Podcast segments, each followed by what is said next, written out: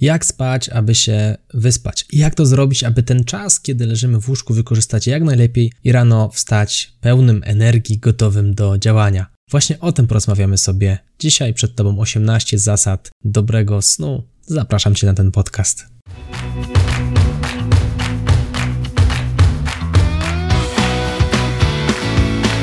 Chcesz przenieść swoją karierę na wyższy poziom? Nieważne, czy pracujesz na etacie, czy jesteś przedsiębiorcą. Świetnie trafiłeś.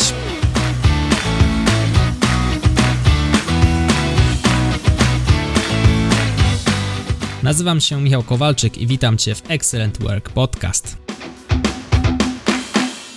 Skutki niewyspania są straszne dla nas, szczególnie dla naszego umysłu. To jest szczególnie widoczne, kiedy przeciągniemy z pracą trochę dłużej. No na etacie może rzadziej się to zdarza, natomiast ja, jako przedsiębiorca, który pracuje zdalnie z domu, zdarza się, że przysiądę czasami o 22, 23 jeszcze kończę jakieś zadania i widzę po sobie kilka takich przypadłości, jak na przykład spadek wydolności intelektualnej. Mam problemy z takimi podstawowymi czynnościami. Zdarza się, że częściej popełniam błędy, które potem niestety muszę poprawić rano spada zdolność uczenia się, więc jeżeli się nie wyśpimy, no pojawi się tutaj problem właśnie z tym, abyśmy szybciej tę wiedzę przyswajali, ponieważ właśnie w czasie snu ta wiedza nam się w głowie strukturyzuje, przez co łatwiej jest ją potem nam przytoczyć, szczególnie rano. Zresztą też w czasie snu ta wiedza raz, że się porządkuje, dwa, nasz umysł walczy z problemami, które wyrosły w ciągu dnia. Nawet jest takie powiedzenie, muszę się z tym przespać. No właśnie po to, aby ten mózg sobie ładnie wszystko przetworzył. No i bardzo często rano już na świeżo jest nam zdecydowanie łatwiej podjąć dobrą decyzję.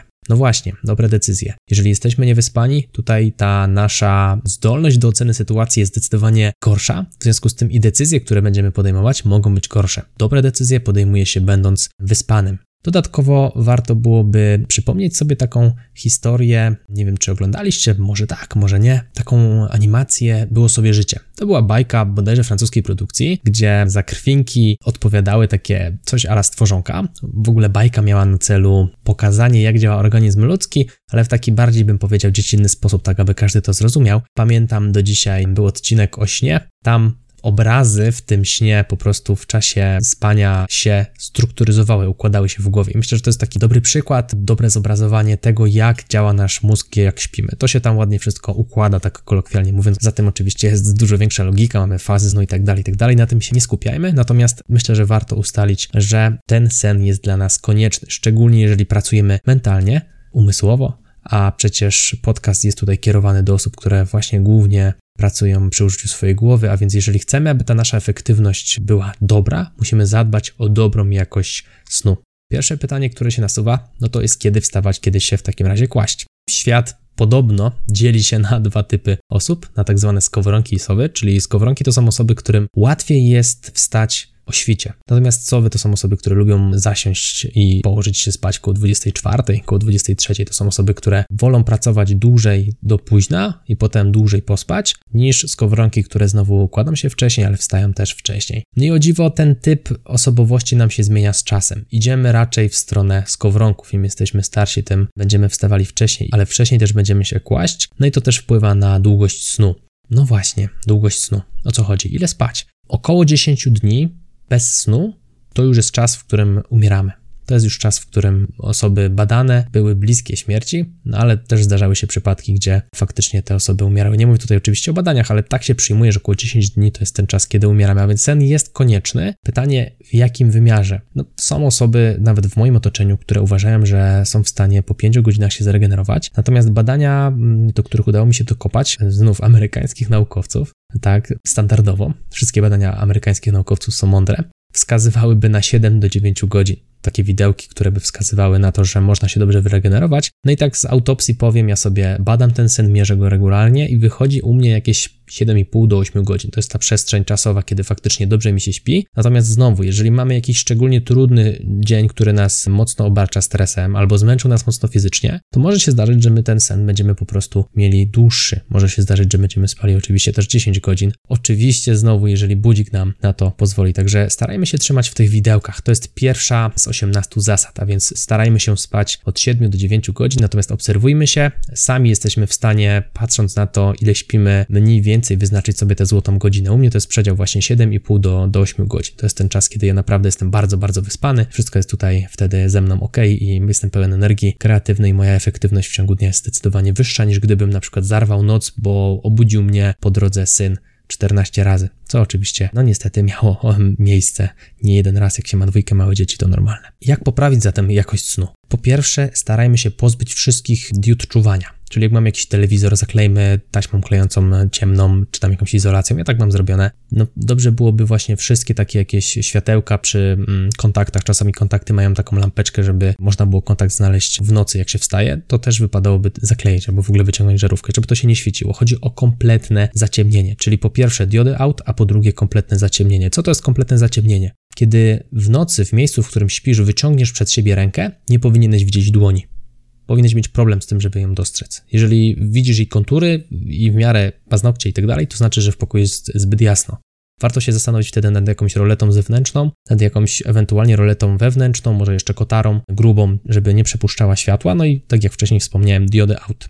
Czyli już mamy za sobą trzy zasady. Zasada czwarta, wyciszenie. To jest trudne. No jeżeli mieszkamy przy jakiejś ruchliwej ulicy, ciężko będzie nam wyciszyć to pomieszczenie. Warto byłoby wtedy się zastanowić nad przede wszystkim, no na pewno po zamykaniu okien, aby w nocy nie było tak bardzo słychać tego dźwięku. Być może znowu jakaś gruba zasłona. Takie grube, podwójne, potrójne zasłony, można sobie trochę poczytać o akustyce, naprawdę potrafią dużo tego dźwięku pochłonąć. Mówię tu jako osoba, która ma w domu studio i też trochę w kwestii wyciszenia siedzi, tak żeby echa nie było, żeby dobrze ci się słuchało podcastu. Także nie głupim pomysłem byłaby wtedy inwestycja w grubą kotarę. Mamy dwie pieczenie na jednym ogniu, bo pozbywamy się też e, światła, ale przy okazji tłumimy też nieco dźwięk. Wiadomo, jeżeli wibracje są przenoszone na cały dom, bo mieszkamy rzut beretem do autostrady, no tutaj temat jest ciężki. Nie każe ci się przeprowadzać. Natomiast jest jeszcze dużo zasad, które możesz podkręcić, żeby poprawić jakość swojego snu. No tutaj akurat będzie ci po prostu ciężej, jeżeli mieszkasz blisko autostrady. A więc zasada numer 4 za nami. Zasada numer 5, nie najadaj się przed snem. No nie jedz podkorek twojej ulubionej pizzy, no bo potem będzie ci ciężko w nocy. Ciężko ci będzie zasnąć, a potem też w nocy będziesz się czuł tak mocno średnio, możesz się nawet wybudzać.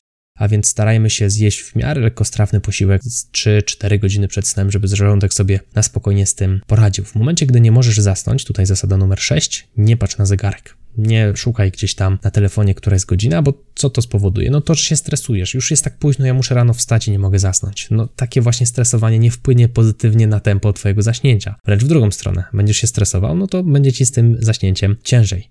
Kolejny punkt, numer 7. Światło niebieskie całkowicie out. Co to jest to światło niebieskie? To jest światło, które emitują monitory komputerów, które emituje telewizor, które emituje Twój wyświetlacz telefonu, czyli wszystko, co ma wyświetlać i świecić w Twoje oczy. Chodzi o to, że tutaj takie światło niebieskie zaburza nam generowanie melatoniny, która jest odpowiedzialna właśnie za to, że chce nam się spać, właśnie zapadanie w sen. A więc jeżeli chcemy zasnąć szybciej, starajmy się takie ostatnie półtorej, dwie godziny przed snem nie używać ekranów. Ja wiem, że to jest bardzo ciężkie, szczególnie kiedy od 16 jest już ciemno, nie bardzo jest w domu co robić, a na Netflixie wyszedł nowy serial. Natomiast są sposoby, żeby to obejść. Można na komputerach zainstalować sobie na przykład F-Lux. Zobacz sobie f.lux, tak nazywa się aplikacja, która redukuje emisję tego niebieskiego światła. Oczywiście to nie jest idealne rozwiązanie, bo całe to niebieskie światło nie zostaje przez tę aplikację zredukowane, natomiast już jest na pewno nieco lepiej niż gdyby tego F-Luxa nie było zainstalowanego. Podobnie Podobne narzędzia możesz zainstalować też na swoim smartfonie. Ja z czegoś takiego korzystam, włącza mi się po prostu to w odpowiedniej godzinie, czy tam o 20 czy 19 już ten ekran się robi taki bardziej żółty. Potem możesz rozpoznać właśnie redukcję tego niebieskiego światła, ale dodatkowo możesz też kupić specjalne okulary. Taka marka bardzo rozpoznawalna, jeżeli chodzi o właśnie takie specjalne żółte okulary, to jest A-Shield, natomiast oni mają bardzo drogie okulary. Jesteś w stanie na pewno znaleźć na serwisach aukcyjnych takie okulary, które redukują światło pomarańczowe za okolice 100 zł, więc to też nie jest jakoś bardzo, bardzo dużo, natomiast to znacznie pomaga. No i w sytuacji, w której byś bardzo chciał sobie poglądać te seriale albo musisz pracować do późna, jak najbardziej takie okulary pomogą ci po prostu zredukować ilość tego niebieskiego światła, w związku z tym zaśniesz też szybciej i sen będzie lepszej jakości.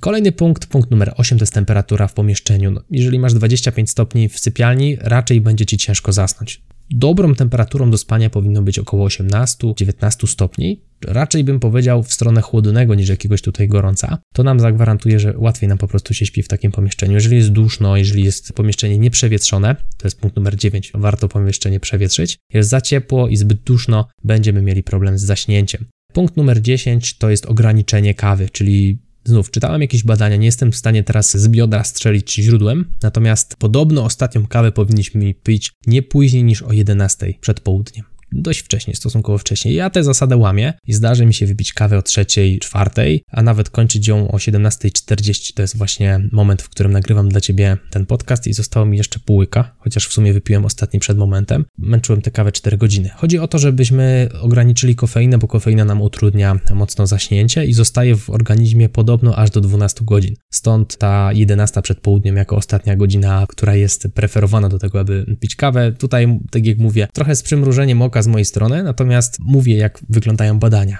To, jak się do nich zastosujemy, to jest druga sprawa. Punkt 11. Brak alkoholu. Chodzi o to, aby nie pić przed snem, w ogóle nie pić najlepiej, albo jak najmniej, bo to wpływa negatywnie na głębokość snu. Czyli zaśniemy sobie wcześniej, faktycznie, łatwiej nam będzie zasnąć po alkoholu, ale jakość samego snu już będzie gorsza. I ja to mówię też z punktu widzenia osoby, która no czasami się napije, no normalna sprawa, i potem mierząc swój sen, widzę, że faktycznie ta jakość snu jest gorsza, jest dużo mniej procent głębokiego snu, czyli tego najważniejszego z punktu widzenia regeneracji, nie? Jest on faktycznie gorszy. Co prawda dobrze się zasypia, ale sam proces regeneracji w czasie snu jest zdecydowanie gorszej jakości, w związku z tym musimy dłużej spać, aby osiągnąć ten sam efekt. No na tym nam nie zależy. Brak nikotyny. Znów palenie przed snem to też jest coś, co negatywnie wpływa na to, jak nam się zasypia, no i negatywnie wpływa też na to, jak będziemy sobie potem dalej spali.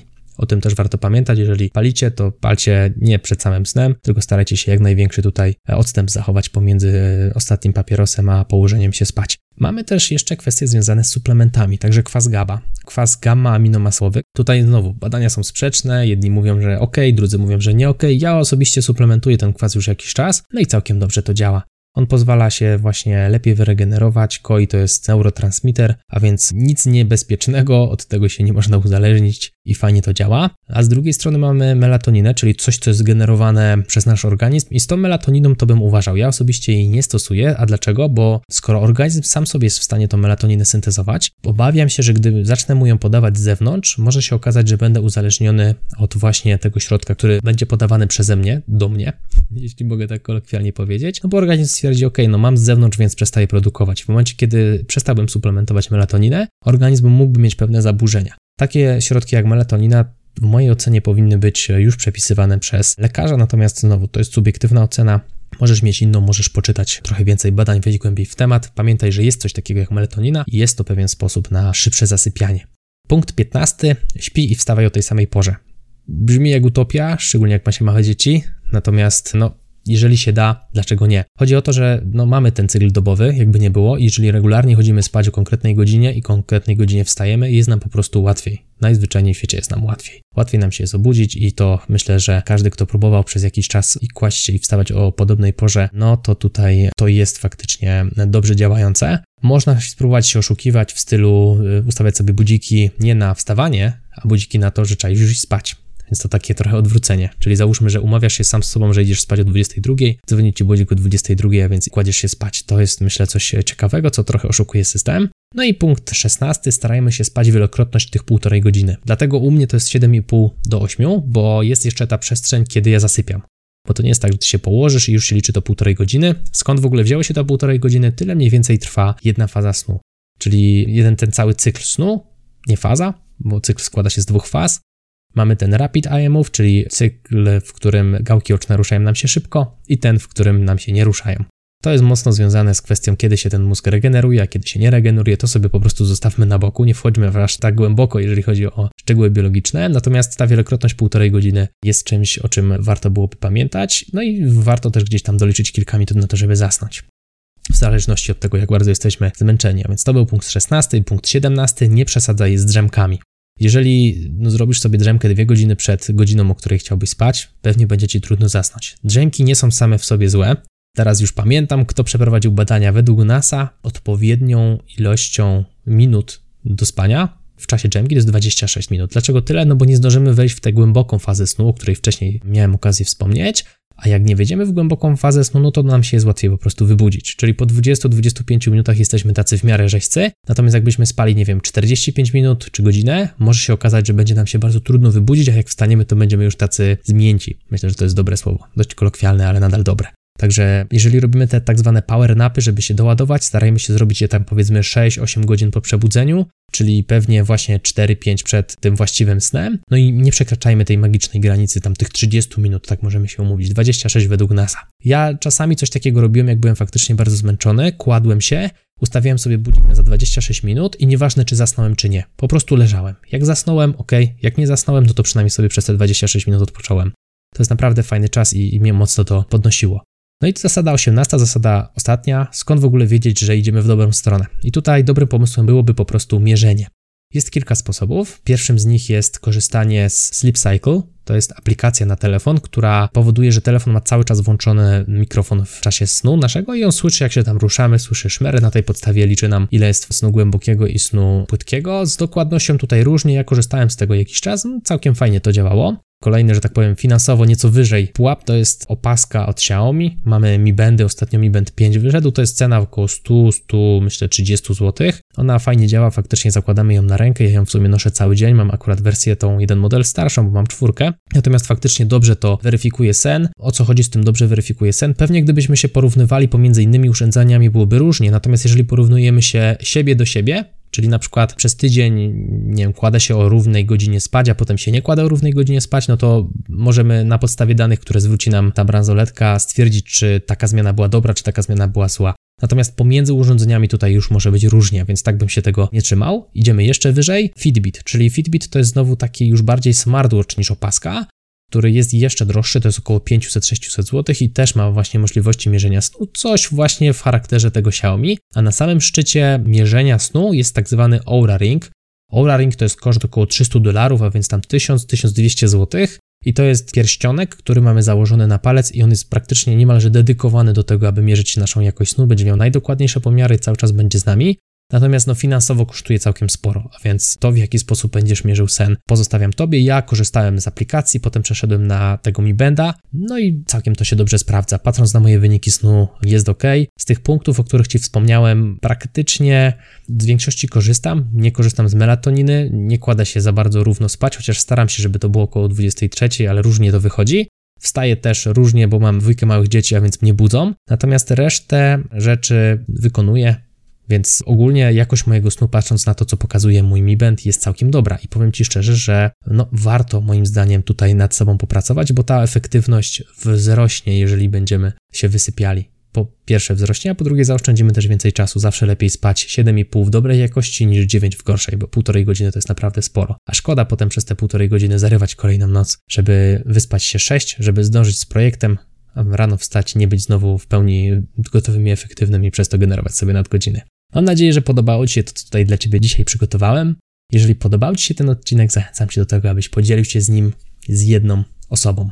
Tymczasem dziękuję Ci za wspólnie spędzony ze mną czas. Ja się nazywam Michał Kowalczyk, to był Excellent Work Podcast. Do zobaczenia i do usłyszenia w następnym odcinku. Trzymaj się, hej!